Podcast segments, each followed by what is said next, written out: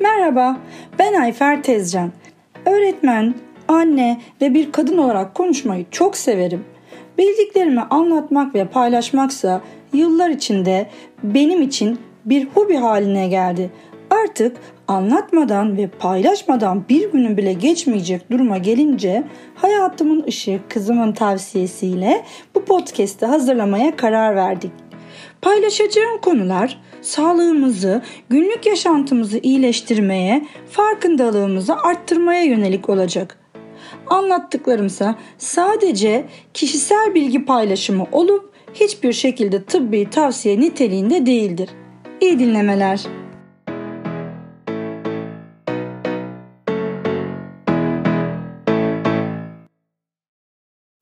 Görünmeyen çatımız yani iskeletimiz. Merhaba. İskeletimizi tanımlamak için kontrüksiyon sözcüğü bana daha uygun geliyor. Anlam olarak birden fazla parçanın bir araya gelmesiyle oluşan bütünü anlatır bu sözcük. Ama dilimizi kullanmanın güzelliğinden yola çıkarsak iç iskelet olarak tanımlamak tam yerine oturur. İskeletin dışı da mı olur derseniz evet canlılar aleminde dış iskelete sahip birçok canlı var. Örneğin böcekler. Yüksek yapılı gelişmiş bir canlı olarak göremediğimiz ama varlığını her saniye hissettiğimiz irili ufaklı, uzun kısa, yüzlerce kemikten oluşan iskeletimizin sağlıklı olması varlığımızın devamlılığını doğrudan etkiler. Bedensel sağlığımız ve bütünlüğümüz için iskeletimizi oluşturan kemiklerin önemini hepimiz zaten biliriz. Ama iskeletimizin sağlığını korumak için nedense pek fazla özen göstermeyiz. Çünkü popülasyonun çok büyük bir yüzdesi sağlıklı bir iskelet yapısıyla doğar. Ancak iskeletimizin bir bölgesinde sorun yaşarsak ya da yaş ilerledikçe bütününde genel anlamda bir sorun yaşamaya başladığımızda onun sağlığı için özen göstermek aklımıza gelir. Ben süt içerim, yoğurt yerim söylemlerine hiç girmeyelim. Buradaki amacımız farkındalığımızı farklı bakış açılarından geliştirmek. Şimdi önceki bölümlerimizde uzun uzun anlattığımız D vitamini ve kolajen var ya aslında onlar kemik yapımızın oluşumundaki oyun kurucularımızdır. D vitaminini sağlıklı kemiklerle özdeşleştiririz. Ama aynı kolajen gibi D vitamini de tek başına kemik dokusunun oluşumunda saha kenarındaki antrenörler gibidirler. Oyuncular sahaya çıkmazsa öylece bekler dururlar saha kenarında. Oyuncularımız ki bunlar kalsiyum ve fosfor mineralleri, magnezyum ki D vitamini için çok önemli bir mineraldir. Ayrıca K vitamini, B12 vitaminleridir. Bunun dışında yedek kulübemizdekileri de sayalım hemen.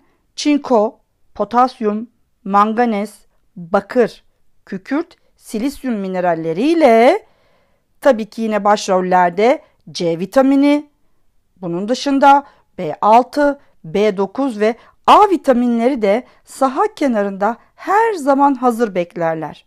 Bir de genetik yapımız var tabii ki. Kemik dokumuzun oluşumu ve sağlığı için çok önemli bir faktör. Bunun ardından hormonal etmenlerimiz, çevresel etmenlerimiz, beslenme alışkanlıklarımız tabii ki, zararlı alışkanlıklarımız da iskeletimizin sağlığı ve bütünlüğü için önem taşıyan unsurlar. Kemik yoğunluğumuzun neredeyse tamamını yani yaklaşık %90'ını biz 20'li yaşlara kadar oluşturuyoruz.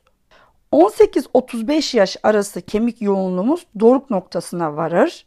Kemik yoğunluğumuzun oluşumuna genetik yapımız oldukça etki eder. Yaş ilerledikçe maalesef kemik yoğunluğumuz azalmaya başlar.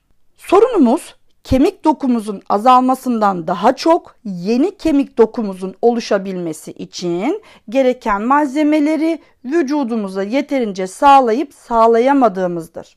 Sadece D vitamini ve kalsiyumla biz bu işi kesinlikle halledemeyiz. İçtiğimiz gazlı içeceklerin kanın pH değerini arttırmasından dolayı eğer biz yeterli miktarda su içmezsek kanımızda yükselen asit seviyesini tamponlamak yani dengelemek için kemiklerimizden kalsiyumu geri emmeye başlar.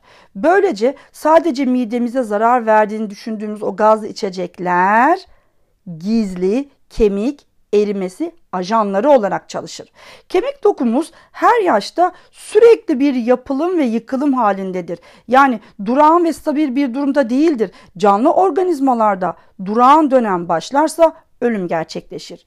Doğru egzersiz ve beslenme alışkanlıklarıyla da biz 30'lu yaşlardan sonra bile kemik yoğunluğumuzu %2 arttırabiliriz. Osteoblast hücreleri yani kemiği oluşturan hücreler kemik dokuda minerallerin yerleşeceği matriksi yani ağı oluşturur. Mineraller dokuya yerleşince devreye diğer kemik hücreleri yani osteoklast hücreleri girer ve yıkılım başlar. Bu hayat boyu süregelen bir döngüdür. Osteoblastlar yapar, osteoklastlar yıkar. Sorun yaş ilerledikçe yıkılan doku yerine aynı hızla yenilerinin yapılamamasıdır. Yani osteoklast hücrelerinin çalışma hızına, yıkma hızına osteoblast hücrelerinin çalışmasının yani yapılım hızının yetişememesidir. Doğanın kanunu olarak e, kronolojik yaşlanma yapılım olaylarının maalesef azalmasına ve yıkılım olaylarının hızına yetişememesine yol açar. E, amacımız sağlıklı bir yaşam sürmek olduğundan biz yıkılım olaylarıyla yapılım olaylarına dengede tutmaya çalışmalıyız. Yaş ilerledikçe denge bozuluyorsa biz ne yapacağız? Yaşam tarzımızı değiştireceğiz. Farkındalığımızı arttıracağız ve sonuçta da dengeyi oluşturmaya çalışacağız. Kemik dokusunun temelini yani tabanını organik doku kolajen matrix yani kolajen ağ oluşturur. Bu matrix tip 2 kolajen, hyaluronik asit, glukozamin, kondroitin elemanlarından oluşur. Organik yapıdaki bu matrix yani ağımız inorganik maddeler yani minerallerimiz için depolama alanı oluşturur. Minerallerimiz neydi? En önemlileri kalsiyum, fosfor, magnezyum. İşte bunlar bu matriksin yani ağın üstünde e, üst üste birikir. Kemik dokusunun esnekliğini organik moleküllerin oluşturduğu bu matriks yani ağ oluşturur. Kemiğin sertliğini de ağın üstünde üst üste biriken bu mineraller oluşturur. Kemiklerimiz kolajen liflerine bağlanmış minerallerden ve kalsiyum tuzlarından oluşur. Yani biz sadece D vitamini ve kalsiyumla bu işi çözemeyiz. Yetmez. Kemiğin ana dokusu olan kolajen matrix yani kolajen ağ sağlam olmalıdır. Matrix yapısı sağlam değilse kalsiyum tek başına bir işe yaramaz. Kemik sağlığımızı ölçmek için kemik dansitometresi ölçümü yaptırırız. Amaç kemik erimemiz hakkında bilgi edinmektir. Kemik erimesi yani osteoporoz hakkındaki gerçek bilgiye biz bu testte ulaşamayız. Gerçek bir osteoporoz ölçümü değildir ki bu. Sadece kemiklerimizdeki mineralizasyonu ölçen bir testtir. Artık biliyoruz, az önce dinledik, kemik sağlığımız sadece mineralizasyon değerlerinden ibaret değildir. E, kan testleri de sadece mineral açısından değerlendirme yapar.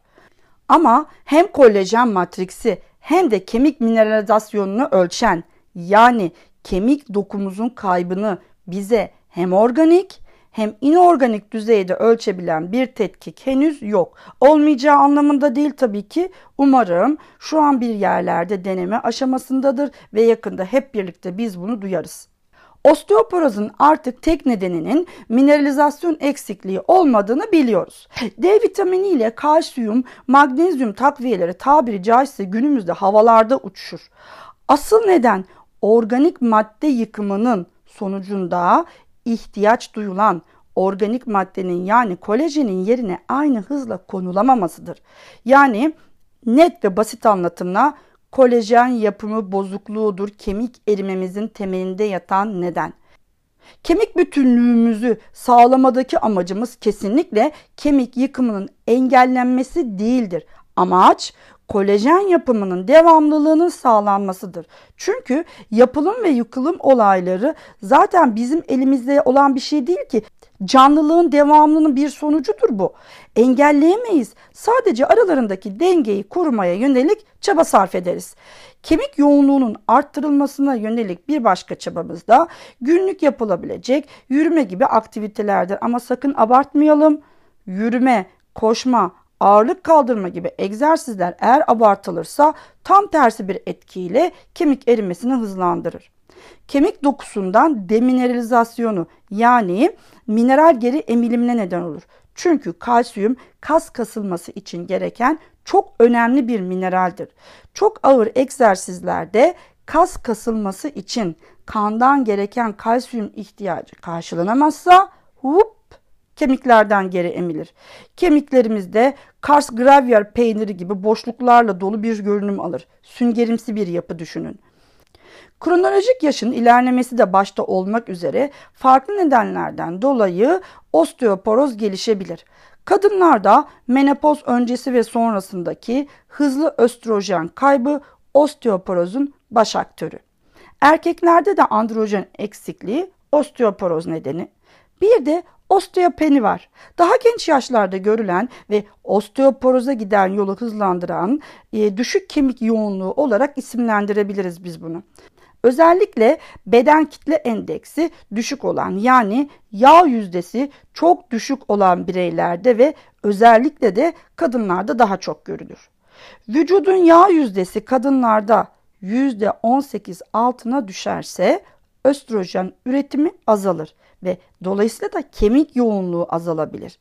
Ağırlığımızın yani beden kitle endeksimizin normal sınırlar içerisinde olması kemiklerimizi güçlendirir ve yağ hücrelerimizce üretilen östrojen de kemiklerimizi korur.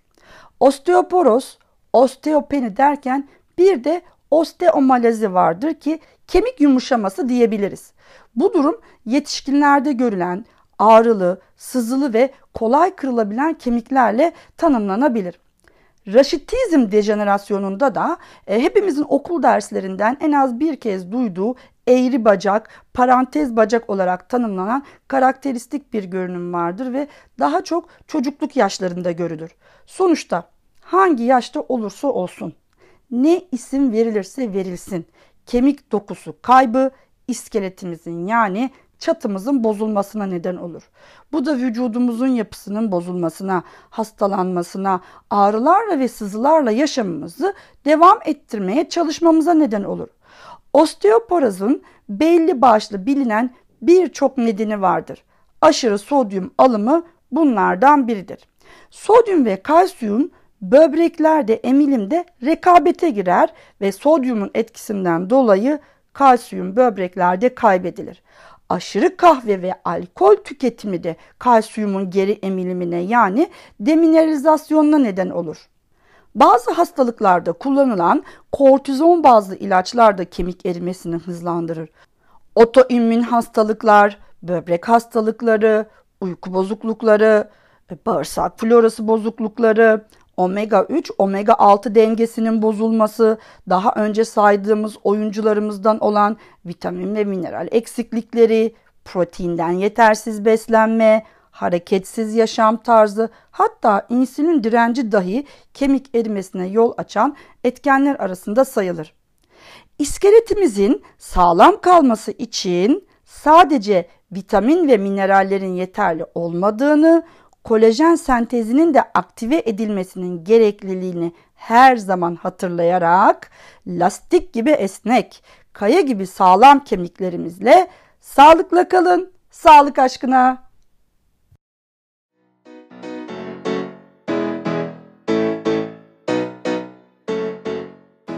Dinlediğiniz ve takip ettiğiniz için teşekkürler.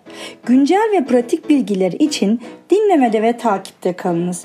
Ayrıca Instagram ve Facebook sayfalarından da takip edebilirsiniz. Sağlık aşkına, sağlıkla kalın.